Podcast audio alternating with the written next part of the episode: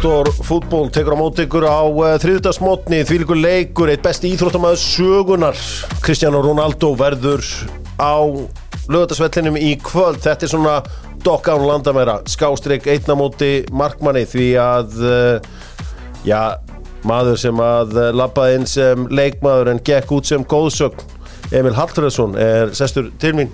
Velkomin Takk fyrir það Herri, ég þarf að byrja á að klára að eh, hjálpa þeim sem eru að hjálpa mér því að Ólís eru vinnir Dóttorfútból og mínus tíkall á lítir en þar. Og svo ef þú eru lent í einhverju þá er það bótaréttur. Þeir sækja þetta allt saman. Ef að til dæmis þú ert að baka, brennir þig eitthvað eða meiðir þig eitthvað eh, Emil þá ert að fara í bótarétt og þeir sækja eh, réttin fyrir þig. Tjekkar á þessu. Tjekkar á þessu. Herðu um, ég á rosalega mikið af vinkonum og leita mikið í þær uh, þú veist svona þegar flestir hanga með vinum sínum þá er ég með alltaf með vinkonum mínum. Og það eru flestir að vinna á Lemon í Hafnaveri og uh, það eru frétt að þú er á leiðinni. Og það eru já, já. Manan hvaða ár hellas voru meistarar? Ég, já, heldur betur. Hvað hva ár? 85 85 Já, já. Það, er, er voru ánægðar að heyra að þú erum með þetta hreinu og ég veit að þetta mun gleðja vinkonum mínar á Lemon um, Emil Hallfriðsson er uh, auðvitað hapfyrringur gablari eins og er gerast bestir en hann hins vegar er orðin hálf ítalskur eftir langan tíma á Ítalíu. Hann er langleikjaðist Íslendingurinn í sögu Serie A og uh, já, líka í sögu Serie B og þú veist hefur spilað þarna nánast niður allan píramítan.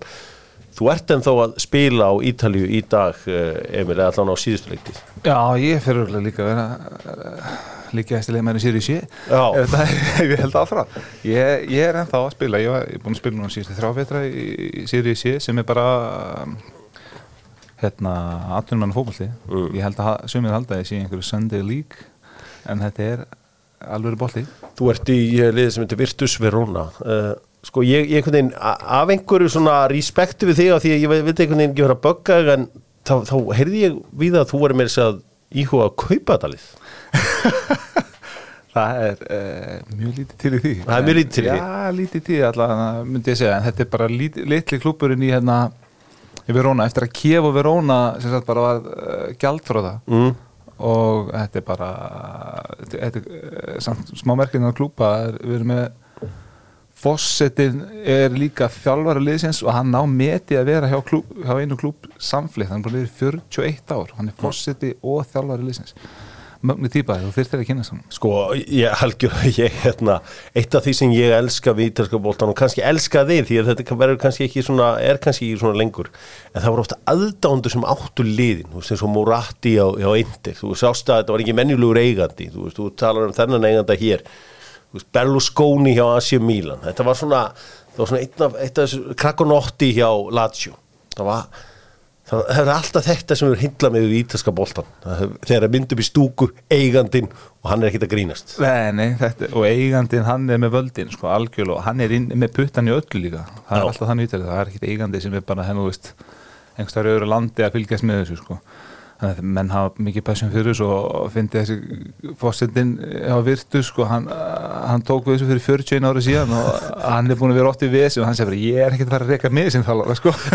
Þannig að, hérna eh, þetta er bara, hann tók við þessu liði þegar voru í sjönda eftir deild, hann er búin að fara með upp um fjóra deildir á einhverjum 40 ára, veit ég hversu góður ángur eða slæmur, eða, þú veist, en það er samt bara vel gert, mikið, mi- mikið að liðum á Ítalíu Ég var að segja frá því að þú væri komið með Ítalju uh, með þér til Íslands veitu, þú og konaðin ása. Því að við svo sem verið á fullu að svona færa uh, vera óna nær okkur Íslandíkunum uh, því að vera að flytja inn alls konar ólíur og alls konar og svo ertu er búin að opna stað á Söðlandsbröð sem er pítsustaður en þetta er samt eiginlega ekki alveg pítsur því að þetta er allt öðruvís heldur en við máðu þekkt Þetta er bara ása, hún á allan hefra sig, hún er snillingurinn í þessu verkefni og ég er hérna meðspilari, sko.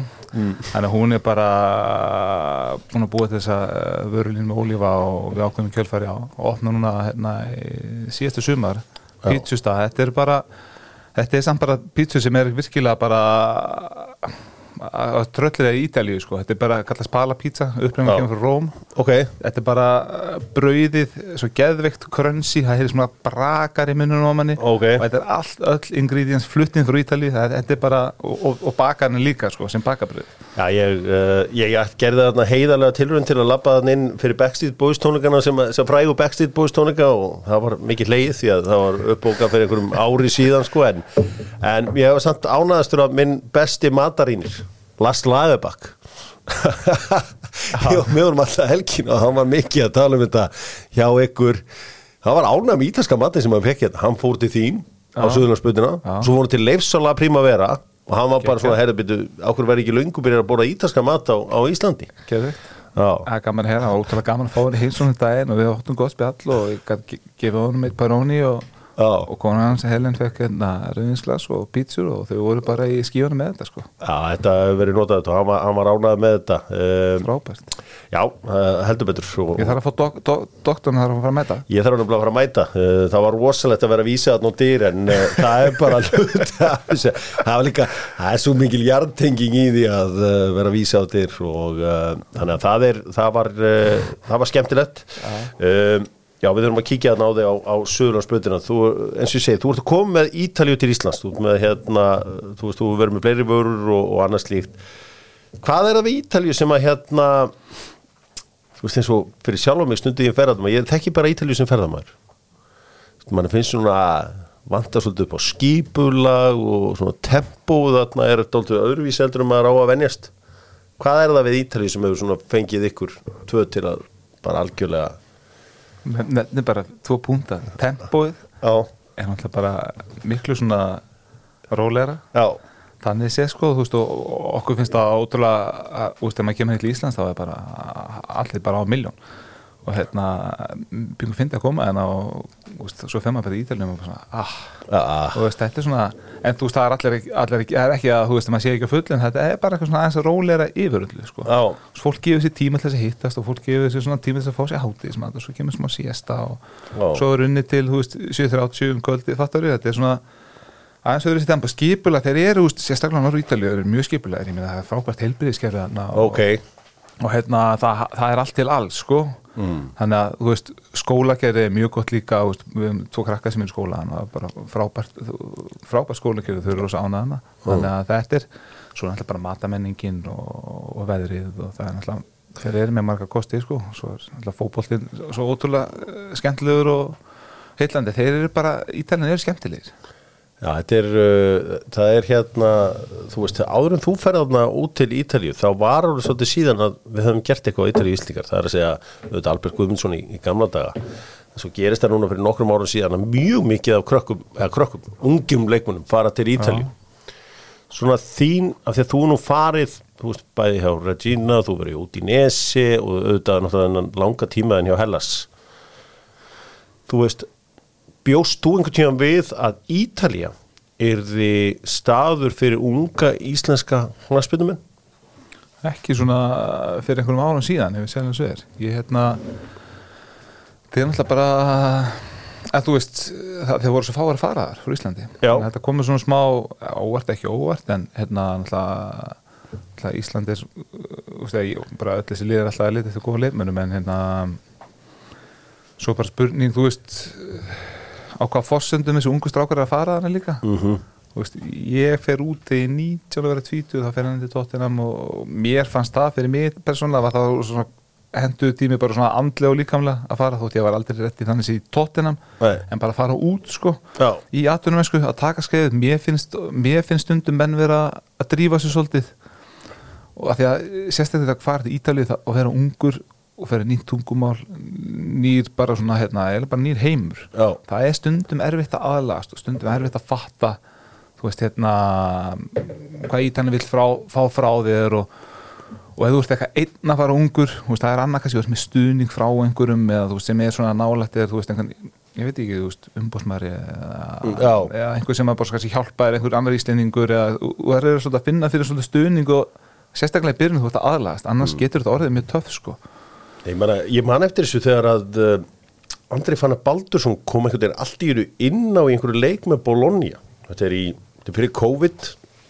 Og þá svona einhvern veginn þá var bara, wow, herðu, þeir bara þeir taka þessi íslendinga láta það aðeins þú veist, og er að nota þá. Já, uh, svo kannski séð minna af slíku þú veist uh, síðan þá að að menn hafi kannski fengið að fara í í uh, aðlið en, en mikið af þessum guðurum verðist vera að bæta sér töluvert með þá sem eru komnir heim hérna í dag að mínu viti. Já, ég held að þú, þú, ferð nút og þú það er alltaf mikið svona knaspinu bara svona, það er svona þjálfun. Þú hafi verið að kenna þér svolítið fótbolta, kenna þér varnarleik kenna þér reyfingar, rosa mikið taktískar æfingar það sem, uh, sem er mjög gott fyrir unga leikmenn, myndi ég halda, en svo er bara spurning hvort er betra að vera mögulega í primavera sem er úlingali eða hvort nálægt uh, aðaliðinu í Íslandi þú veist að vera að spila kannski í bestu dildinni eða móti full, fullanars fótboll þá er spurning hvort er betra en það er það fer bara, þetta er bara svo einstaklingsbundi myndi ég segja líka, hvað menn vilja og hvað sem menn eru tilbúinir að fara einu út í heim og, og gefa allt í þetta sko. sko, í, þú átt mjög sérstakar leiðin í Ítalíumarkaðin það er að segja að þú ert einhvern veginn stættur í Lín í Oslo og svo einhvern veginn dúkar upp í Regina einhvern veginn eiginlega bara galið, ég ætla ekki að þóra að mæta fyrst sko, ég var bara nýbúin að skrifa bara búin að vera þinn lín í þrjára vikur. Ég ætlaði bara einhvern veginn að fara að spila fótballta fullu og svo bara kemur sér í hakklúpur við þá mig, ég já, hitti hann að fósita liðsins á einhverju hóteli bara með púandi vindil og inn á bara hvað er í gangi hérna maður?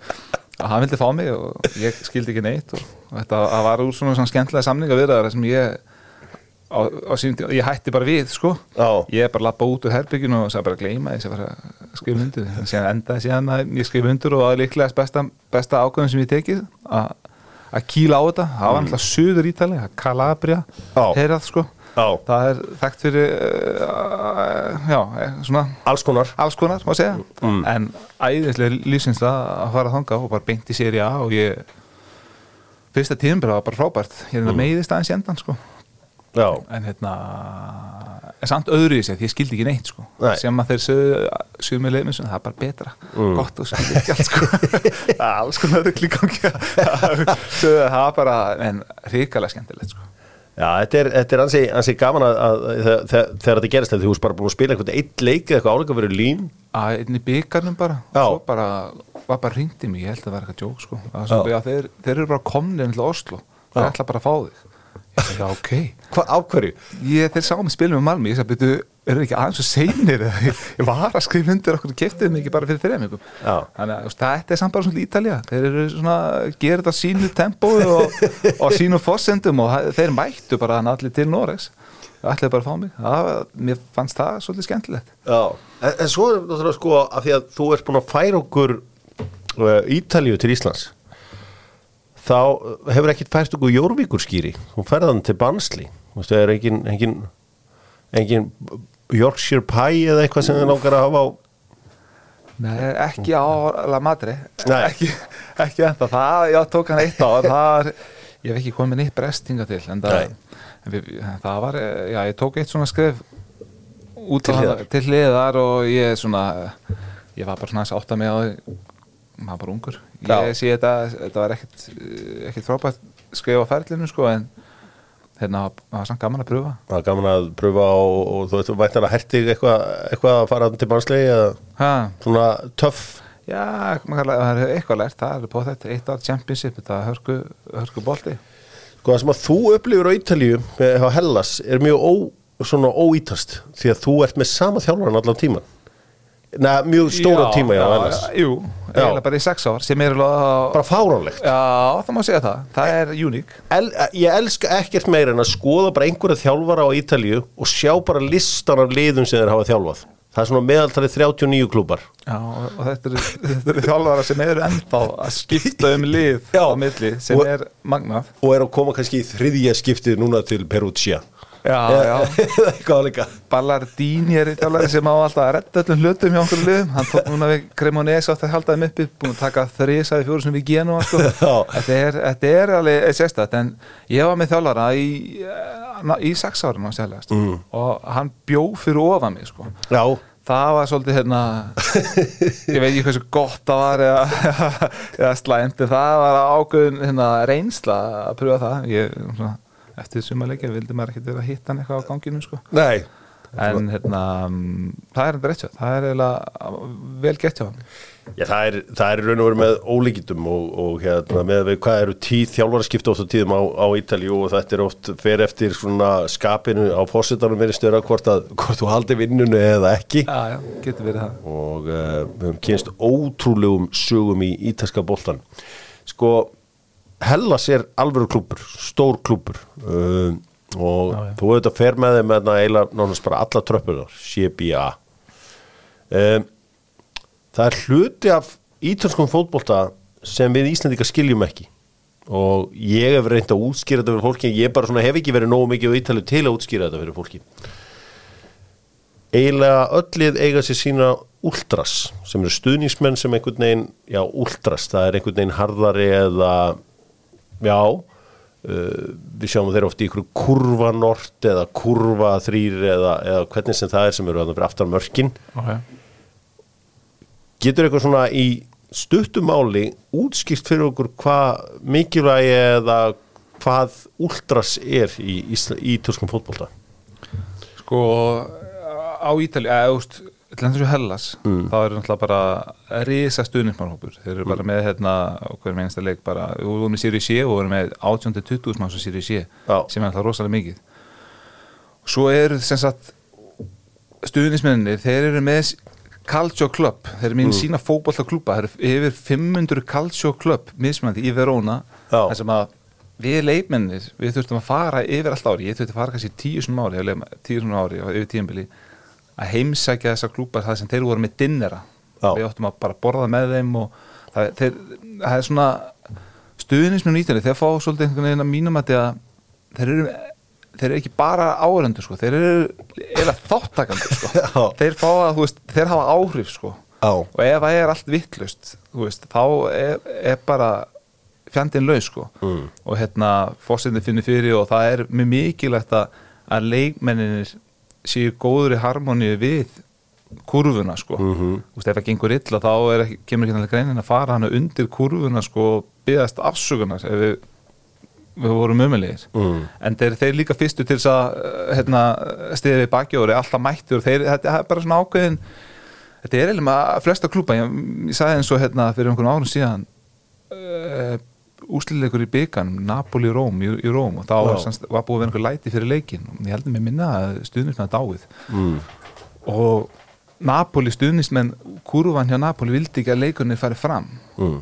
stoppaðu bara? Stoppuðu bara leikin það- þeir, kom ekki inn á völlin Nei, eitt gaur bara í kurvin hjá Napoli gaf bara eitthvað sæn inn á völlin og Hamsik sá það sko. Já, og það bara stopp leikur. Mm. og það bara stopp í svona 20 mínútur.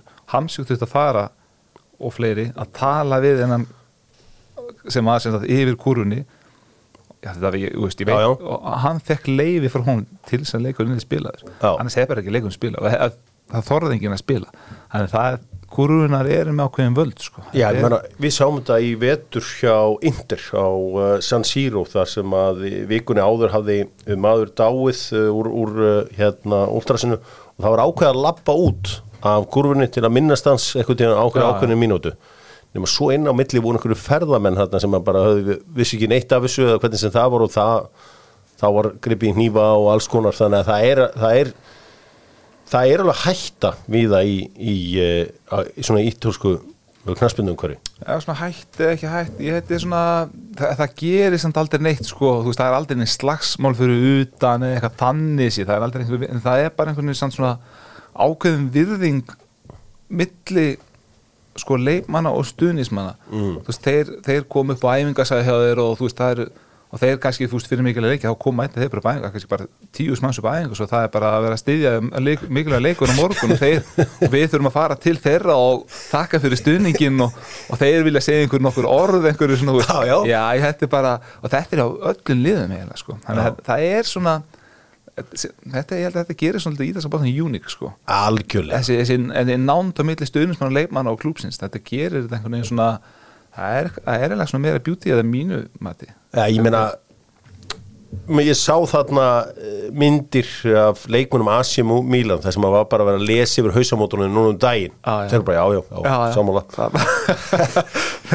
Og þeir þetta er bara, þú segir bara, bara Giroud þannig og Zlatan þurfa bara að fara og, og, hlusta á það sem að Já, og bara svona, já, veist upp á einhverju vissu marki, sko. Þú veist, væri ekki svolítið sérst að þau voru í FA og bara, þú veist, bara að standa fyrir bara og bara, þeir væri bara að láta að heyra. Já, einhverju vissu leiti, já, já, það væri ekkert Já. það myndi maður kannski, nei, Nei, en, en sko, það sem er máli er að, að líka oft þeir, þeir met oft leikmenn svona fyrir hjarta sem þeir setja í þetta eins og ég menna, þú veist tala um hamsing.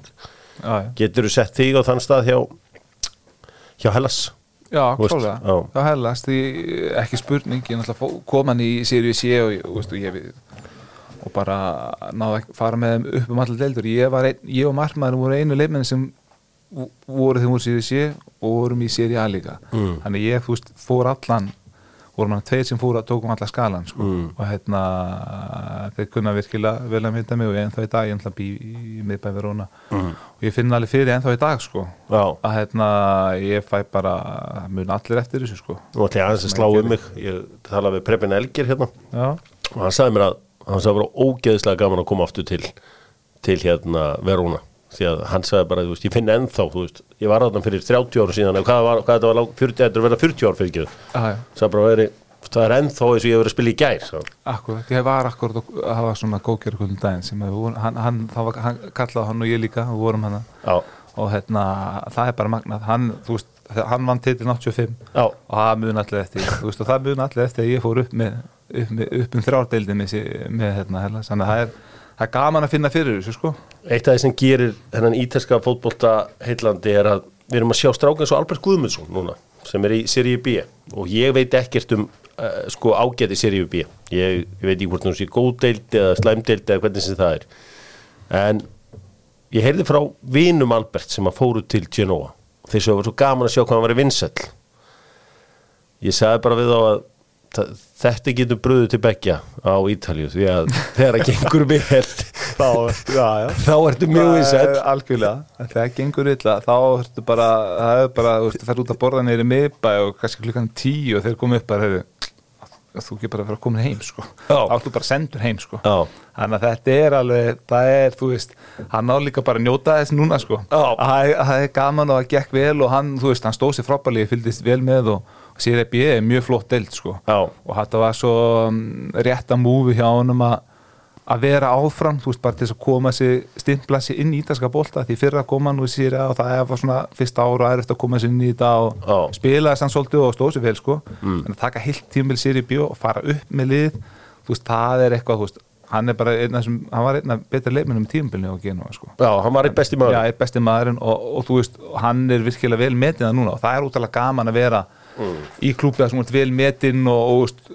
og hérna, stór klúbur sko, gerði hann heimavöld og frábæra stuðnismenn og þannig ég, ég þetta bara verður gaman að fylgjast með hún næsta ári, ég vonum bara að vera áfram. Já, það er svona sem er orðan eitthvað þarna í burtu hvað við Sassuolo og Fiorentina og einhverja fleiri klúba Já, Þannig að já, það er getur allt gæst í bóltan það er, náttúrulega- heila málið.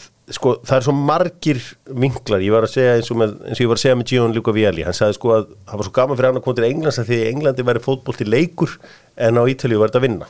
Því að þetta er náttúrulega bara, maður sá bara að leikmenn Asi, Milan og Inter, þú veist. Þeir voru svo bugaðar að lappin í uh, Champions League fyrir leikin allan þeir voru svo stressaður og þú veist það var svo mikið undir eitt af það sem er, mér finnst ofbóðslega sjarmirandi við ítalskan fótboll og ítalskan fótbolltakúltúrin er sjónvarpið á Ítalíu. Það eru kannski nýju kallar í jakkafötum og svo alltaf ein glæsileg kona. Og þeir eru oft allir að tala í einu. Og maður, ég kann ekkert ítölsku en ég hef setið sko heilu sunnundaskvöldin og æ, það, það er einhver sjarmi yfir öllu þessu, þessu á Ítalíu, þú veist, það er allir með skoðanir. Allir, þetta, þetta er bara þetta er hver einsta helgi, það er bara það tala um, held ég, bara tvo tíma eftir leiki. Já, það er bara stúdíu og það er fyririndaleipmenn og þú, þú veist, þeir eru með algjöru hetjur alltaf hana í stúdíunum, sko. Það er bara ótrúlega gaman að hlusta á og tala um þetta fara fram og tilbaka, taka viðtölu að báða þjálfara leipmenn, fara fram og tilbaka og þeir eru alltaf í stúdíun, þeir eru alltaf já, headsetið alltaf headset og er að tala við þjálfaran þá allir að tala við þjálfaran hinni megin sko. Já. og þetta er allt bara veist, þetta er hver einstu helgi og það er ótrúlega, veist, við deildina líka og kynnist öllum einhvern, veginn betur. Já, og það er bara, þú veist það, þetta það snýst, það bara allt um fótboltan það er, það, er, það er- það er bara fótbolti og matur. Þú veist, Mm. maður lappar út á götum og maður heyrir svona annað fólk tala saman. Það er annarkvæmt að tala um hvað ég hafi matinn í kvöld eða hafa leikurinn í Já. það, er, það er magnað. Þa, það, er, það, er, það er það sem ég gerir þetta að svo skemmtilegu hérna samfélagi. Meina, uh, ég var að tala um, um fótboltan og svona það er líka karakterana það er eins og Kristján Vieri sem ég held alltaf að vera há alvarlegu leikmaður svona einhvern veginn hvernig hann spilaði leikin og svona. Hann er kallað Bobo, Bobo Vieri, Vieri. með Bobo TV Já, já. og hann er í einhverju svona einhverju djókið á, á, á Ítalíu. Hann og Casano er eitthvað líka að byrja að þeir eru Casano kom með eitthvað podcasta sem hann uh, náttúrulega er byrjað að raun yfir hinn og þennan sko? Hann er alltaf hrönnuð Mourinho. Alltaf raun á Mourinho. Og Mourinho er að svara honum og þetta er, er hálf- komist sko. Og Mourinho er náttúrulega alltaf með skemmtileg sögur sko. Þannig að, hérna, og Bobo Vieri er, er líka með svona sinn TV-show og er hann með uh, hver, var, hann- hver er með honum í þessu? Oh, ég man- Cassano Bobo Vieri Já, ég, ég held ég hana já, skiptir ekki máli Já. en það er, það er nefnilega mjög fyndið hann er náttúrulega bara eins og ég, ég hann er bara einhver glöng, einhver glöngósi sko. Já, já, Hann og gefur út lög og já, já, akkurat mikið á Ibiza og svona Já, hann er hérna hann er svona alltaf eh, legend hann sko. og mikið, menn hafa mjög gaman á hann sko. Mm. hann er svona personality á Ítalíu það er um persónuleik á Ítalíu og, og ég meina uh, Silvio Berlusconi fjall frá í, í síðustu viku. Já, já, og auðvitað, þú er náttúrulega búið á Ítalíu öll þessi ár og þú er ekki feitt á sjónvarpi bara væntalega nema Berlusconi sé þú veist, hann er náttúrulega búin að vera fósetti þarna, eða fósettis á þeirra oft. Já, áttist aðal klubbin átti alla fjölmiðlana. Og, svo var hann búinn að kaupa Monza núna og Já. koma þeim úr sé og búin að sér í A-klúpur og bara flottu klúpur og þú veist, allt sem hann tekur sér hendur bara ná, nánast að gera sko Mm. og hérna mikið svona það er svona samt svona tveir hópar skoðanir á hann sko Já. Jákvæmt og neikvæmt en það er mögulega bara alltaf þannig en stór persónleiki sem var að falla frá og Ítalja, úst, hann hafa jarðaförun að svara bara í Duomo Milano sko. Aðalkirkjunni í Milano risa og, og flott kirkja hann er að hérna, síni hversu mikill hérna, karakterina var og, og, og velmeitina mörgum. Já, það er oft talað um að Ítalía skiptist í tvent, það er að segja norður og söður Eh, það, þá er ég ekki að tala um sko landfræðilega heldur bara lífsgæðilega síðan því þú veist tala um hvaða helbriðskerfi og allt verið gott í norður Ítalíu og ég hár livingstandard þar. Þú veist, hvað veldur því að er það mafjúteng sem að valda því að söðrið er svona langt á eftir norðurinu eða hvað, hvað veldur því? Já, sko ein, einhverju leiti held ég. Það er bara, e- e- þetta er bara just, ég veit ekki nákvæmlega af hverju það er þannig en jú, einhverju leiti en þetta er svolítið magna að keira, við keirðum til Sikilegri fyrra frá norðurinu, þetta eru 15 tímar bíl. Já. og þú, þú veist alltaf neðar og neðar sem keirur, þú sér bara hvernig landi breytist sko, eiginlega bara á bensinstofunum. Það er búið hár standart á bensinstum það fær búið fín kaffi hérna alveg niður, niður til Rómar, svo Róm og niður þá bara einhvern veginn þetta er svolítið hérna, hérna magnað sko. Uh, veit ekki nákvæmlega of hverju en það er bara þetta er eiginlega bara það, er nánast dömiðsmyndur lönd sko. Hvað, hvað var það svona lífsgæði og, og líka mentality og, en, en, en Suður Ítalinn er líka stoltur af því sko. Mm. Suður Ítalinn, þeir eru bara þetta er bara, þeir eru drullu sáttum í sitt sko og eru stoltir sko. Já. Það, það, var, það var svona, það var þekkt að sko Diego Maradona spilaði mjög inn á tilfinningar söður uh, uh, Ítala. Já, og svona keiriði á þær tilfinningar að, að norðinu var í samum ykkur og hann fekk einhvern veginn já, þú veist ekki alla en allan einhverja í Napoli til að styðja argentínska landsliði gegn ítölum í undanústum uh, uh, heilsmestaramótsins 1990 já, pælti því. Já, ég meina leikurinn fór fram í Napoli. Hversu vittlusi voru ítalarnir að setja leikin í Napoli Það er rosalegt. Já, þetta reyndar náttúrulega gert fyrir móten en þeir hafa geta reiknað þetta út sko. nei, ná, akkurat Það er magnað maður. Já, hann, hann svona hafði þe- þessi, þetta, þessa tengingu, þú veist.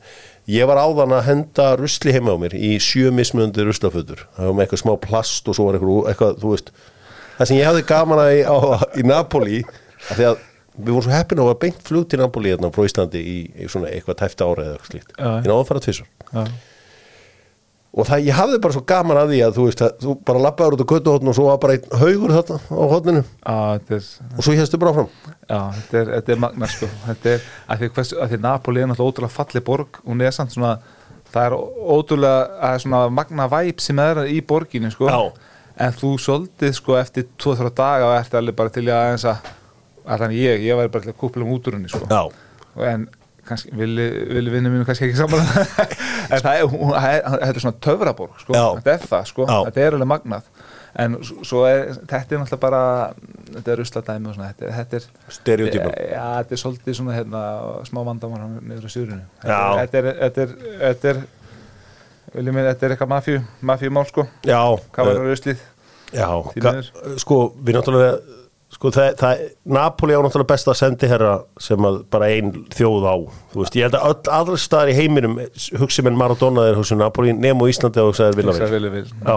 Hann er, er frábæð sendi hérna Napoli og. Ítalíu. Það er alveg hennu og svo var það ekkit að eiðilegja neitt að þessir stórgúsluðu þættir kom morra kom út og maður svona þá hugsaði maður með, með sér, já ég verð að fara það Já, þetta er alveg, þetta er, þetta er frábæð staði sko, við fyndi úst, ása konum við, við byrjuðum sko, að- hún byrjaði svolítið, hennar svona hennar aðeins til að byrjaði að hún byrjaði að flytja um svona badnahúr, handsumar Já. það var við svona kynntumst konu sem bjóð í spanska hverjun í Napoli Já. sem handsuma þessa húur fyrir okkur. Og fórum heimsöð þannig nokkur sem geggjað sko. Komum bara inn í spanska hverju inn í heima hjá einhverju eldri konu sem var að handsema húur fyrir okkur.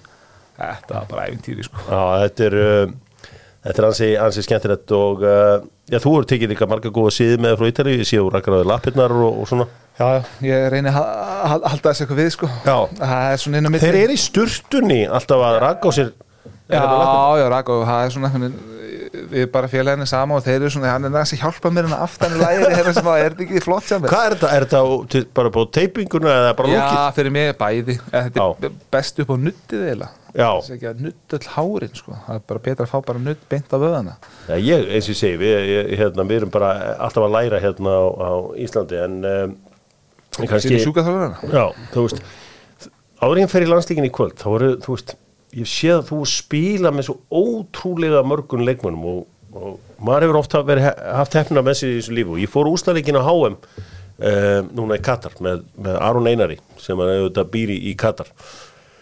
Og mér var svo gaman að sitja með honum. Hann, hann sagði sko hún langar svo verið inn á bara til þess að fá ná einni teklingu á Rodrigo de Paul. Hann langaði bara taka eina, eina. eina bara hérna og svo geta að fara aftur í stúk. Já, já. Þetta er þetta gæin sem að var einhvern veginn svona þetta var ótrúlega, Messi lappað út Rodrigo de Paul, alltaf með kassan úti hliðin á honum og einhvern veginn var aðal kallið, var það svona harður þegar þú varst með hann í út í nesi Já, heldur betur ekki. Hann var bara einhverjum bodyguard með þegar hann kynntist Messi sko. já, Það er hérna, en eh, við varum með honum út í Nesi í, hvað, 2,5 ár Já. og hérna, hann mætti hann að hann, hann var búin að vera að spila á Spáni áður. Já, og við keiptum hann og fyrst árið var hann svona smæra leikum hann var svona, hann var bara svona grannur og, og mjór og, og hann frábæri fótbolta. Svo hérna var hann frábæri með setna árið sko. En hann var ekki svona grótarður ég, veist, hann var meira en líka bara svona tíja fyrir aftan. Hann var eiginlega bara að spila sem annað strækjar sko. Já. Svo er núna er hann kom, komið allir líka mætið hann er eiginlega bara tveir, einn að tveim miðjuminum og, hann er svona rosa hlaupa gikkur og bara svolítið box to box sko. Hann er bara að verða bara eins og Diego Simeone inn á vell Já, hann er, það er bara hann við, Diego Simón hefur bara sagt, ég vil verið svona. Já. hann ætlar bara að verða þannig. Hann er orðin svona einhver götu slagsmála Já, já, nákvæmlega og hann er alltaf fyndi og svona, maður tekur leftur það má ekki byrstast mynda Messi á Instagram og þá er hann alltaf hliðin á þetta, það það er alveg svona til ykkur að síður neytir sem eru svona smá grínast með þetta, það er að gera grína á hann með þetta. Og miklir vinir virðast vera, hann að hann, þú veist, þegar ég var að spila með hann þá voru við svona, svona jóki í honum já, væru, þú getur að vera í landslið? Hann var bara, pff, ég er landslið veistu hvað er í landslið, veistu hvað er algjör þessi landslið eins og sóknar með og veist, hann, átti, hann, hann var ekki að dreyma sinni um það Eh, Þetta var allt í erum mikilvægastu leikmaður þeirra í ár það, Já, þú veist, frábær. Ég hef svo sem heirt skemmtilega sögufráður um auðvitað, vinskap þeirnum í Jorginju og þú veist einhvern veginn þú að hjálpa þarna einhverjum gutta Já, já. og bara- hann hefur hjálpað sér ágætlega sí, hjá, Já, sjálfur svo síðan bara hjálpa hann sér vel sjálfur síðan hann Já. er búin að eiga frábæran feril og, og veist, við erum alltaf bara í, í fínu sambandi og hann er svona, svona, svona þessu strákur sem er svona mm, mest vinskap við á ferðlum maður eignast ekkit mikið að vinna með sjálfum sér. Er, þeir eru örfáir þeir eru á hérna. Fingur um annara fingur um annara, ef maður segja eins og er. Hann er hann já, hann er bara, Football Friends. Já, fútból, það er ekki mikið Calcio Calcio. Amici di Calcio. Amici di Calcio. Sko, og það, það, það er það sem er svo, er svo gaman er að skoða þessa leikmenn sem þú spila með því að það er eitt framherri sem að ég hef rosalega mætur á nema vandamann að hann skora ekki.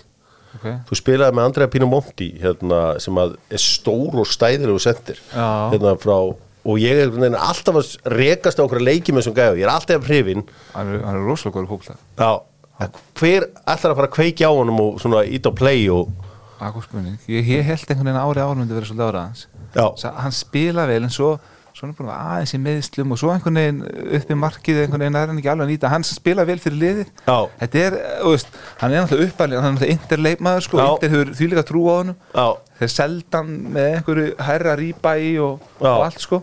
Þannig að ég einhvern veginn hérna, úf, ég, ég, vona svo þvílíkt það mikið að Mm. hann er svo frábær gæi, eða, frábær strákur ég kunni svo ótrúlega vel hann Mm. að hérna, ég er eiginlega svona bara svolítið eins og þú býð eftir að nýta að play sko. ég sé bara einhver löðrandi gæða þarna Þetta sem að er hægt að unlocka bara. ég er bara hérna sammála og ég hérna vona svo innilega að það fara að skila sér ítalska landsliðið þeim vantar strækir sko. Mm. þeim vantar uh, markaskora það er það sem ítalinn er svolítið vandraði með Mm. með landsliðið sitt núna sko. Sko, það er auðvitað ég hef spurt þig um, um, um þennan mann áður og þú bara tókst ekki eftir hún, þú bara mannst eða ekki eftir hún Bruno Fernandes sem að er auðvitað ég hæsti fótballtamaður í heimi í dag og besti leikmanni, eða bara orðin besti leikmanni í portugalska landsliðinu, ég menna þú varst hjá hann með útinessi og þú sagði mér ekkert ég bara, já, ég man eftir nafninu, ég man eiginlega ekkert eftir hún já, kannski ekki alveg. Það er satt að svolítið Nei, sko, sem er magna, ég spilaði með honum henni ár Já. og hann, veist hann spilaði eiginlega alltaf Já. þeir úti neins er bara svolítið klúpur þeir bara, þeir er svolítið svona hérna þeir vilja, þeir er svona, hvað segir maður, punta á ákveðnu leikmenn og þeir eiga bara að spila skiptir ekki máli, þeir eru bara ungir og þeir kiftu á einhverju smá upp þeir ætla bara að endurselja og þeir herru upp sko. Mm. hann var einn af þeim göðurum sem áttu bara að spila og hann spilaði alltaf leiki hann átti samt kannski þrjá dánleiki, eitt góðan Mm. hann var svolítið svona óstöður en svo skoraði hann inn á milli hann skoraði svona þrjá, fjóra konum leik og það voru alltaf ekki geðugmörk hann, skoraði bara flott mörk. Og maður tók alveg eftir úst, ég, ég, maður sá alveg ungu, hann, var, hann var árið Novara. Þegar ég í sér í bíð með Hellas og spilum um mótið Novara. Já. hann búin að vera í Ítalið áður. Hann var samt sko sallaróluður Já. í hliðanum en svo bara breyttist hann í alltaf hann var algjör keppnismæður sko. Æfingun var alveg bara alveg, alltaf veist og gaf allir, vildi ekki tapa æfingum og, og þannig að ég, ég samt að að kom mér á óvart að sjá hann með að ég var alltaf bara með hann með eitt út en þessi kom, kom mér á óvart í dag að að hann er því sem bara fyrirlið Já. fattaru. og veist, ég, ég bjóst við að hann er góð leikmaður en ekki svona rosalega góður Mm. að hann má samt eiga það, ég man samt alveg eftir því hann var samt sko fyrstur aðeins að allir bara kom snemma og tók alltaf auka skota Mm. og það var svona smá svona gilvi í honum sko Já, þú veist ef ég var einhvern veginn á að lýsa einhvern fyrir Íslendinga. Bara svona súper Já, atvinnumaður. super aðtunumæður og, og hú veist, æfði auka og var með svona gott menntaka, hann hata að tapa og var alltaf að hrauna, þú veist, svona semi innan Mm. milli, en þú veist og við segjum bara alltaf, hey, þegju að fattu hann var ungur skilur, Já, en við hinnum eldrið saman, bara, ég haldi ekki aftur, þú veist, að fattu eitthvað svona, en geðu, þú veist, frábær leitmann, ég meina, þú veist, að, að hann sem, þú veist, hann er búin að eiga bara frábæran fyrir, ég, ég skal bara viðkjönd, ég, ég hefði ekki spottað hann svona góðan. sko það er eitt af því sem að, að þegar maður hefur umgengist fótboltamenn og, og náði ekki því úr fótbolta sem hann langaði sjálfur en eitt af því sem er svona karakteristik hjá mjög mörgum fótboltamennum að þeir eru tuðarar Já. Maður- Hvað, þú veist að því að það skiptir eiginlega engum mánu hvort þú sért í á Íslandi eða topp seri A-lið eða fótboltamenn röfla og svo hef ég rætt þetta við fótboltamenn sem þeir eru hættir og þeir bara svona uff þeir væri ekki allt tilbúið þegar þetta leikminn lappinn hei hvað hvað er í er, ég, ég sko samt, held að ég sem lítill, hef verið lítill röflari Já. því miður, veist, er því miður, það er bara, jú, þú veist en menn eru oft bara, þú veist Það er allt ómögulegt. það er allt ómulegt oft og það er bara, þú veist hvað, okkur er ekki með þetta veist, þetta teip okkur er ekki með alvöru teip en við teipa ökla. Veist, það er að ykkur, ég sagði þér að gera þetta svona veist, það, er, að- það er allt ómulegt það, ég, ég veit ekki hvort að menn verða bara of, of góðu vanir og setja eh, of háan standard og það er allt. Já. en eh, veist, það eru margir svona, það er ekki allir svona. Nei. það er, þú veist, það er náttúrulega alls konar típur Já. en það, það er, þeir eru nokkur en svo eru nokkur bara líka Léttir og þægilegir. já, svona á milli. Svo verður þetta líka bara svona bandir við erum bara, þú veist, röflar og þú röflar alltaf í sjúkaþálunum og þú veist, það er bara gert upp á gríni, sko, bara þess að halda einhverju stemning og hafa bara röflar og röflar Já, það er svolítið tákrætt fyrir þinn uh, landslisferi, eða fyrir þinn feril. Að fyrsti leikurinn er á móti ítulum það er stutt innkoma þarna. Það er magnað. Í 0-0 leik og uh, þannig að það er, það, er, það er skemmtilegt fyrir þig. En það tók þig langan tíma að vera elskaður af aðdándum íslenska landslis í fótbolta? Uh, kannski, þú veist ég ekki segja óvinsæll. Nei, Alls ég- ekki. Veit ég hvort ég var heldur eitthvað elskaður? Nei, ég Já, meina- svona, Ég var svona setni tíð Svona mögulega Fekk svona betra feedback Klálega Meina, við fórum bara ekki að meta það sem þú færðir liðinu fyrir en að við fórum kannski að skilja betur kannski fótbolta því að leikmaður sem er veist, með, með þína eiginleika hann naut sín kannski betur eftir því sem við urðum betri. Já, ég sammála. Uh, þú skorar þetta fræga markaðu um Spáni sem er búið að rifja upp svona miljón sinnum áður en að Spán verið bara að taka yfir heimsfótboltan uh, bara fimm minútur í í raun og veru. Já, það er ofta að tala um sko umgjörð um landsliða því að þegar þú ert komin í landslið þá, og ég myndist að það verið Lars Lagerbæk að þá vorum við eiginlega með betri leikmenn en þegar við, þú veist, loksins meikuðum það.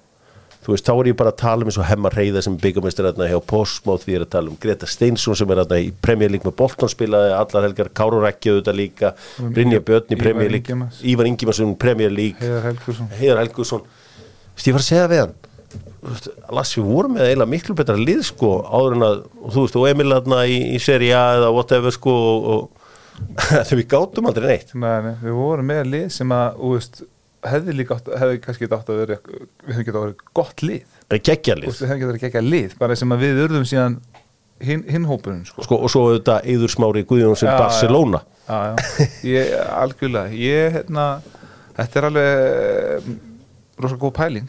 Veist, ég veit samt ekkert af hverju en þetta er alveg rétt veist, þegar það var voða lítil svona ég veit ekki það var bara, ég upplega að það var lítil ægi, eiginlega engin ægi, svona það var einhvern veginn veist, það vantaði einhver á, bara ákveðin mörk og, og reglur, þú veist, einhvern veginn svona hvernig ætlum að gera þetta. Ég er ekki að segja, ég, ég er ekki að gaggrina að segja, þú veist ég er ekki að segja, veist það sem við vorum stjórnæðist þá, en það ég held að það bara ekki verið, það var hvorki menning niður þekking fyrir því hvernig átt að gera þetta, held ég mm.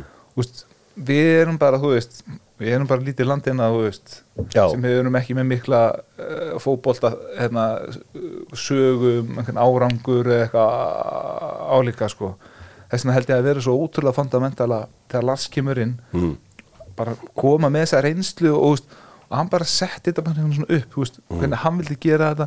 Já, það, þetta er bara svona, svona er bara þetta er reglunar og þið bara respektið þetta svona og þú veist Mm. og þá byrjaði bara að koma á, árangur þú veist, það, það er eiginlega eiginlega bara merkilegt sko. Að mögulega eins og þú segir, hefur ekki náðu lengra á sín tíma, hefði bara verið einhver svona ákveðin Kultúr ja, einhver ákveðin lína hvernig ætlum að gera þetta og það er bara verið einhver svona, einhver svona smá svona, þú veist, herru ég veit ekki hvort það vant eitthvað meira svona boss sem var í Lars líka Já, Já, ég meina, þú veist, við náttúrulega þessum áruð þínum erum við með mjög reynslulítir Egil Sverrisson sem er bara að eiginlega fullorðinstjálfun í fyrsta skipti á, á sinna og svo þetta kemur Óli Jóhannin sem hafði ekki þjálfað í atvinnumanna umhverfi áður. Nei, nei. Þú veist, þegar þú tala um agaleysi og kannski ertu þá bara að tala um bara, þú veist, bara í umgjörð og annað slíkt Já, bara, bara, í öllu, þú veist, þetta var bara eins og öðruvísi, bara svona umgjörð, undibúningu fyrir leiki, Já, þú veist, það, þú veist, það voru ekkit, það voru ekkit, allar komnir vídeofundir, sko, Mm. ég held að það ekki verið vídeofundir, sko, nei, þú veist, við vorum ekkit að leikirna aðnstæðinga eitthvað, þú veist, veist, þetta var bara eins, einhvern veginn, veit það ekki nákvæmlega, og svo bara einhvern veginn, bara, jú, umgerni kringum svona þessu öðru sér las bara einhvern veginn náða að setja þetta bara bjóð til einhverju svona ákveðnar einhverju svona vinnureglur og umgjör sem að hérna breytti svo svolítið. Ég, þú veist, að eins ég veit eiginlega ekki mikið pælt í þessu fyrir að segja þetta þegar við vorum með ríkalega marga góða aturmenn á, þú veist, þegar við vorum ekki að ná árangri sko. Ég man eftir því þegar að KSC var ekki með marga starfandi markmannstjálfara þannig að við fengum að mæta þegar maður var yngri dóttunni að, að, með alarsliðinu að, á markmannsæðingar þegar maður kom að reyða svo maður fekk svona að taka þarna einhverju 20 myndur Já. og svo fekk maður að borða með þeim að nóta á uh, að nóta á hlýðarenda, hvað heitir þetta þarna út af hann að loft Æslandeir loftleiðir þarna Akkurat. það, mér var svolítið gaman sko að leikmenn voru svona lauma malt og appi sinni í glösin hjá sér gengum aldamótin. Já. það var bara svo gaman að koma heim og fá malt og appi sín Já, þannig að veist, þetta er ekki eitthvað stórmál en Nei, þetta kannski, kannski segir eitthvað. Já, smá malt og appi sín já, já. ég held bara einhvern veginn sko að kúltur, veist, það var bara ekkert veist, það var, ein, það var, það var engin kúltur fyrir árangri þú veist, það Já. var engin kúltur, hvernig við erum að gera þetta það, veist, við erum bara svo ung þjóð, þú veist, Já. að ég, það er ekki þetta að bleima neinum um af hverju ánum komum ekki fyrir Mm. við þurftum bara að sækja okkur að mínum að þetta held ég þekkingu utan Mm. frá til þess að koma hingað og, veist, og bara, þú veist, eitthvað sem hafi gert náð árangri áður, hvernig við erum að gera þetta þetta var rosa góð ákvörðun hjá KSI já, maður, maður það voru að segja þetta svo er en, en ég meina, maður veldi í stundu líka fyrir sér þegar að á þessum tíma erum við með sko, eiginlega fyrst skipti á Íslandi með súperstjórnu það er að segja í eðismára það er maður sem, bara, þú veist, á einhverjum öðrum stað og annari plánötu en aðrir svona á vissan hátt. Já, ég bara allt verið level í fótballlega séð líka bara. B- getur það stundu verið þannig sko, þú veist, þegar að þú veist, þegar allir að dansa með Rick Astley og hann er bara einhvern veginn í, þú veist, að dansa með einhver alltaf tónlist. Nei, veist hvað við, þú veist, hann er bara Já, hans já. taktur og gýr og allt svo þess þú veist, þegar Ég held samt að það hefði ekki, Nei. það hefði bara átt að nýtast okkur Já. Ef við, hinir hefðum einhvern veginn að, veist, ég er ekki að þú veist, auðvitað við líka, við bara hefðum áttu mögulega ég er ekki að segja að við gátum gátum ekki neitt að því að kransminn sambandi veist, eða þjálfarinn, við hefðum mögulega geta gert betri grúpu, veist, úr því sem við vorum eða, Mm. einhvern veginn líka, en ég held að það hefði bara átt að hjálpa okkur. Hefði við verið ríkalega flottir svo bara með súpustjörna eið sem hefði verið að, veist, að setja inn mörg veist, hversu við hefðum getað orð klálega hefði við getað verið miklu betur en við vorum. Svo kom, kemur þarna þessi svíi og uh, hann segir mig frá fyrsta reiknum þegar hann vinnur Noreg, þú spilar hann eða ekki? Minnir Fyrsta það? ekki, Jú, já. í, í Oslo Já, nei, nei, Nei, hérna það var heima, já, já, já, já. 2-0 sigur. Jú, og hann sagði mér síðan að hann hefði síðan átt að segja á að vera allt m- mjög mikið rámt þegar hann fór með liðið til kýpur síðan í næsta leik þegar hann var að keira þannum vegi kýpur í einhverju fjóra tíma rútuferð og, og bara allt í umuleg hérna skipulag á, á travelinu. Og hann hefði svona, já, leik. já, við töpuðum þeim leik. Og hann, þá hefði hann átt að segja á því hvað var í gangi þarna. Þú kemur inn í þetta lið þarna hjá Lass og það eru komnir þarna einhverjir gaurar sem eru nokkrum árum yngri en þú sem að fara allir út sem einhverjum úlingar með eitthvað óhemju mikið sjálfströst farin á eitthvað lokakeppni 21 og smótsins og er einhvern veginn mæta sem einhverja stjörnur. Það er alveg eini staðurinn í heiminum þar sem að gerðar hafa verið stjörnur úr 21 árslandslið, þú veist, í flestum löndum ferðu bara eitthvað út en þarna voru þeir í endalusum myndatökum og, og voru einhvern veginn út um allt það er bara litla Ísland sem getur búið til það mættu þeir ekki bara inn í landslið með kassan úti? Jú, þið gerir það. Já. sem mann það bara hrikalega vel gert. Já. þau mættu hana bara og byrjuðu bara strax að standa sig. Þú veist, minna, ég bara þú veist, það var bara þannig að ég þurfti bara að vinna minni liðið hjá þeim. Það fattar þú, veist, þetta var Já. bara þú veist, ég þurfti bara virkilega að sanna mig líka, þú veist, þannig að ný, að last ný þjálfari þú veist, að ég var nógu góðu til þess að þú verið í liðinu og maður var oft, oft í einhverju baróttu sko, Mhm. en, en þeir voru bara hrikalega flott, þú veist hrikalega flottir, og svo voru við nokkur eldri með sem að, veist, náðum eldri, ég var ekki, ég hafi verið gamall þegar komið, en þú veist, en svo, maður fekk bara, veist, síðan að svo urðu við bara einhvern gott, við vorum með Káran og, og svo Raggi og ég og Birki Már og Hannes. Mm. og hérna, og veist við vorum með að glemdi 84 árgangurinn sem er, veist, ég, Hannes og Birki Már sko, fjóri, nei, þrýr og 84 sem er flott sko Hefur, hérna- já, já, Ágústur Ágússon hefði nátt að vera þarna líka með Já, akkur sem var miðin í blikum Já. já, já. En, að, en, en að þeir, veist, þetta, þetta er samt alveg rétt hjá þér, þú veist, Já. þeir koma hana bara hérna liðið, eða, veist, hvað, hvað voru margir úr út af þeim sem orðið síðan, það voru ekki, það voru var kannski Gilvi, sex. Rúri, Kolli þú veist, Birkir, eh, Alfred Jú, þeir voru bara átta, dálítið níu gaurar, Já, sko. sem alltaf bara hrikalega flott sem er örugglega bara uník svolítið líka sko. Sem síðan verða bara leikjumenn í aðlandstinni sko.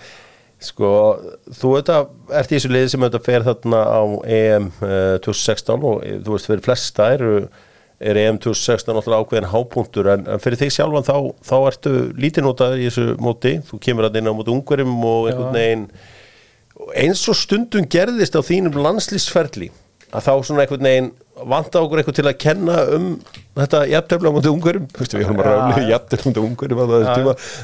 Þá auðvitað fór maður beint í Emil Haldursson Já, ég man eftir, ég, ég fekk einhverja tíu mínútur á þessu móti og ég, svo bara eftir leik var mér kentum marki, ég fór í viðtali, já, þetta er bara ég, já, já, þetta, ég, þetta, já, ég skal bara taka þetta á mig. Mér fannst það hundlegilegt en ég, það var samt alveg svona góð spurning hvort að Eður Smári hefði ekki líka átt að Já, gera betur hann, þú veist, við Já. vorum hann, en, þú veist, uh, þetta var svona smá svona sagan, eða ekki saga, ég ætla ekki að fara neina fórnalum stöðu, sko, því að Já. ég er ekkit fórnalamb í þessu. Nei, maður hérna en ég vil bara meina þú veist, það er ekki fyrir en eiginlega eftir EM að EM að búa ég fæ að byrja að spila á miðinni já, Þú veist, ég var búin að vera þarna kannski komin landslið, ég, ég var alltaf settur á kantin hægri kanti, fjórir, fjórir tveir og Mm. ég er bara búin að spila í séri alltaf í fjórir þeim þreim á miðjunni. Já, og orðin bara miklu meiri miðjumar ég var alltaf að byrja þjálfarinn um að fæ ekki, má ekki bara fá frekar sensin ætla að setja, plís inn á miðjuna. Já. ég var bara að fá sensin þar.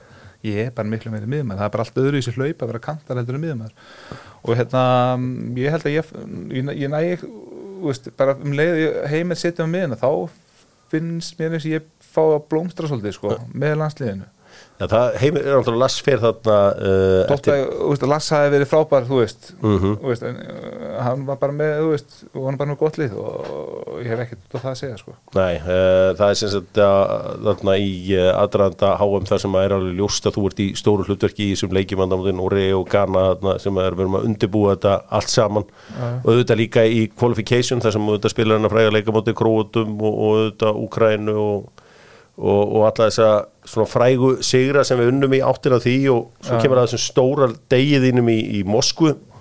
Uh, þú veist Það ertu 33 ára að spila besta landsleikurinn á æfinni á móti Argentínu Er það ekki besti leikurinn landsleikurinn? Jú, þú veist, það er örgulega frægast þig bara því að það var alltaf bara fyrsti leikur á hán. Ég tel mig hafa átt líka nokkra mjög góða, eða, veist, marga aðra mjög góða en þetta er bara svona stendur upp úr, þetta var bara á HM bara fyrsti leikur. Já Það er eitthvað skemmtilegt, sko. En þú veist, það, það er svolítið áhugavert og ég ætla að draga síðan bara línu í sandin hérna með að hætta að tala með hennar leik en ég, þessi leikur bara fer poppar reglu upp í hausin á mér Já. þetta fíasko mútið nýkari og það, þú, þú ert tekin út af liðinu Já, já. uh, það var ekkit að þér eða? Nei, ég, nei, ekki neitt. Uh, ég veit hún svona nennir svona takmarka að rifja þetta upp en þetta var bara svona þannig að við vorum í ógeðslega góðri stöðu Já, og við áttum bara að láta nýgriðmenn að hlaupa okkur og við áttum að breyka á eða hvernig sem að við bara Já, ég hef, ég hef, jafntefnilega verið fínt fyrir okkur og við, þeir höfðu alltaf opnað sig þegar að áliði leik. Já, ég held sko mögulega ef þú myndir spyrja heimi Hallins í dag þá hefði hann myndið hann öðru eftir á. Að því að hann kemur alveg til mín og, og segir við mig hvað hann er að pæla og ég, ég man í staði við hann já, ég, okkur, þetta komið svo óvart að því að mér leiði eins og ég hafi verið rosa góður á móti Argentínu sko. Já, en þú veist það er eitt eða eitthvað fjölmjöluskuðun er sjálfum finnst sko. Já. ég fyrir svolítið miklu frekar eftir hvernig manni leiði sjálfum eftir mér leiði bara hrikalega, ég hugsa, vá, þetta var fín leikur maður mm. en ég hugsaði, já, já, ég, ég fæði nýgur í leikin líka Já. en hann kom til mér og sagði mér ég er ekki í liðinu og kom að sakar óvart og ég er svona bent honum á er, já, ertu viss já, Þú veist, ég er bara klár ég kom mér smá óvart að því að, að því að fór yfir ég bara að setja tökja menni mig í staðan fyrir að vera með mig og Aron og Gilva fyrir fram og setna bara Gilva og Aron sko. mm og Gilva og Aron voru báðir koma frá bara meðslum löngum meðslum löngum meðslum Já, Þetta kom, þetta kom með klárlega óvart en, en hérna, var ógstlega leðilegt að fá ekki einhvern veginn að setja svolítið svona, hvað segir maður, að setja svona uh, continue í, í, í, í sinn leik, sko, en hérna, og náttúrulega þetta fór ekki nóg, nóg vel hjá okkur og því miður, en, en þú veist, þjálfarinn, Velur liðið. hann velur lið og ég er endi að því miður, ég auðvitað, að því ég átti bara ótrúlega gott samvættu heimi og maður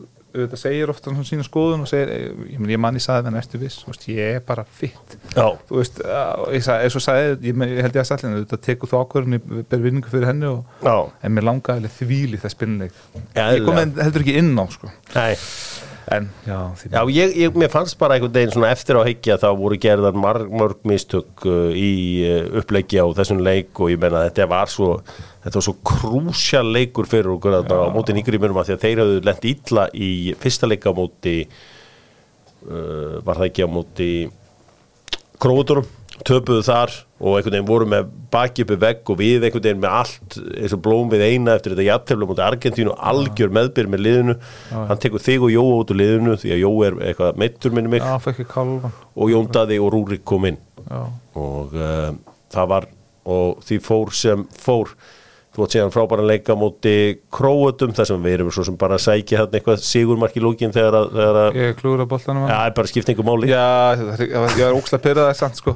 Ég er sem að rann hana En ég, þú veist það, Þetta var samt bara og fámanda mark En við, hef, veist, við hefum ekki voru búin að setja mark fyrir sko. Þá hefum maður ekki tekið sensi mögulega Mhm. En það er bara einhvern veginn Er í mínu leik, ég er enn ekki að vera veist, ég, ég er ekkert að dundra boltanum fram sko. Ég Nei. vill bara taka hann niður og veist, ef maður gerir það í 10 skipti eða 15 og klúra einu Þá það, finnst mér það skipti, veist, Mm. ef, ef ég er í þjálfari þá myndi ég frekar vilja hafa þannig leikmann sko Mm. heldur var að dundra boltanum fram sko en auðvitað mista ég hann og hundlega er þetta en ég held ég, ég var samt góður í þeim líka Mm. að mínum að Já, ég, ég að- klálega Ég held líka sko að ef maður ætti að líka svona þér í setni tíð við einhvern leikmann þá væri það væri líklega Luka Modric Veist Já, hvað ég er að tala bara svona stuttu sendingarnar og stuttu, þú veist hvað ég á við. bara eitt, tveir og, og fá hann tilbaka og Já, einföldu hlutinni gerði vel. Já, já, ég tek já, enginn gert það en ég tek því sem miklu rósi Já, sko. ég- þú veist, ég, þú veist, nú voru ég að, já.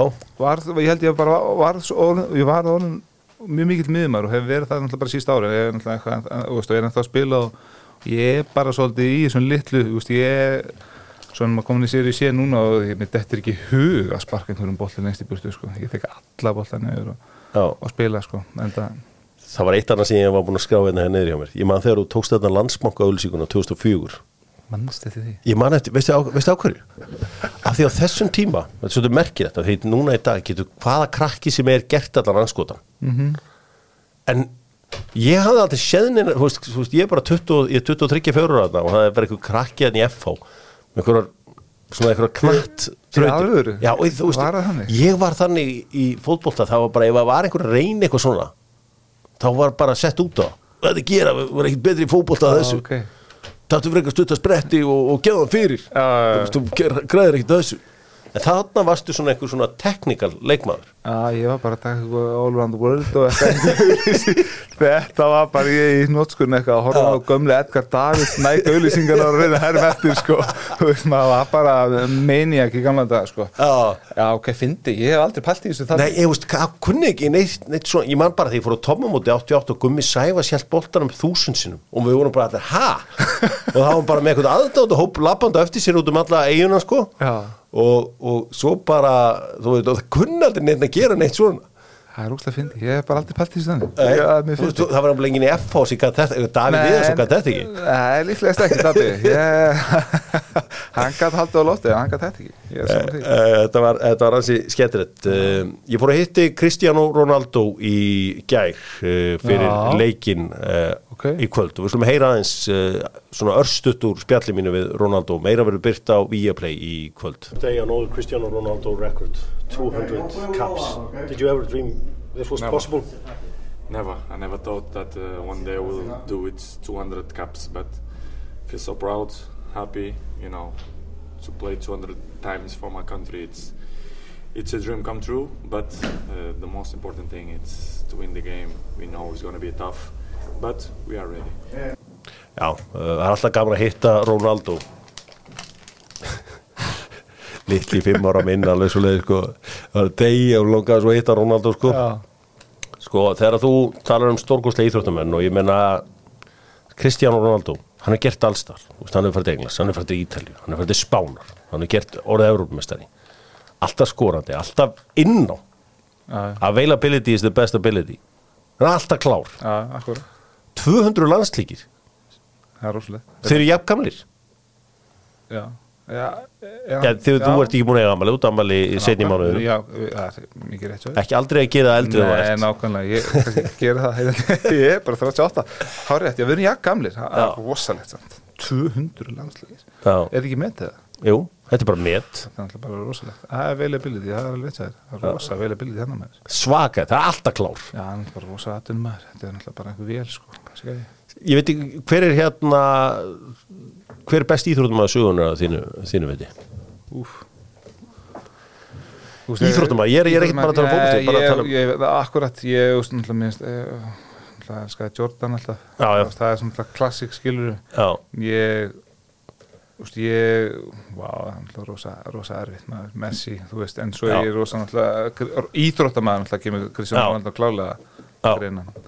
longevity og allur pakki Já, þetta er rosalegt sko ég, Já, allir sé ekki uh, þessir Mm. en, en hvað en þínum mati? Já, ég, sko, ég hef stundu velti fyrir mér er ég rífast ég á mikið á körbóltavinum Já, Ég segi sko að, að Messi hefði verið besti fótboltamæður í heimi og var besti fótboltamæður í heimi ef hann hefði hætt í eitt og hálft ár til að fara að spila handbolta með Benidorm niður í hotni og, og spila bara með varanliðinu þar eins og hinn gerði þarna einhverju Chicago einhverju Já. hafnaboltaliði.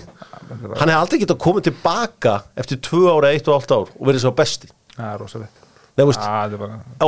er þess vegna segi sko fótboltið spilar á það háu leveli. Þarna ertu bara með eitthvað sport sem að þú veist, þú getur bara hætt í eitt og halvt ár bara að fýblast í hafnabolta og mætt tilbaka og verið bestið, við veitum hvað bull er það Já, þetta er alveg góð punktur. Það er þetta að hugsa að þetta both ways sko.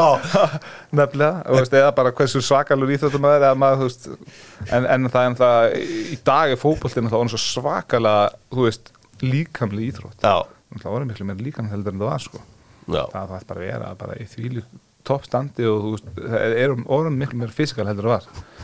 Þannig að veistu, veistu hvað mér, mér langar alltaf einhvern tíðan að gera er að búa til einhvers konar hlaðvarp eða eitthvað um undirbúni stíðanbröð í Íslandi frá svona 1996 til 2001-2 þetta var náttúrulega bara eitthvað bull.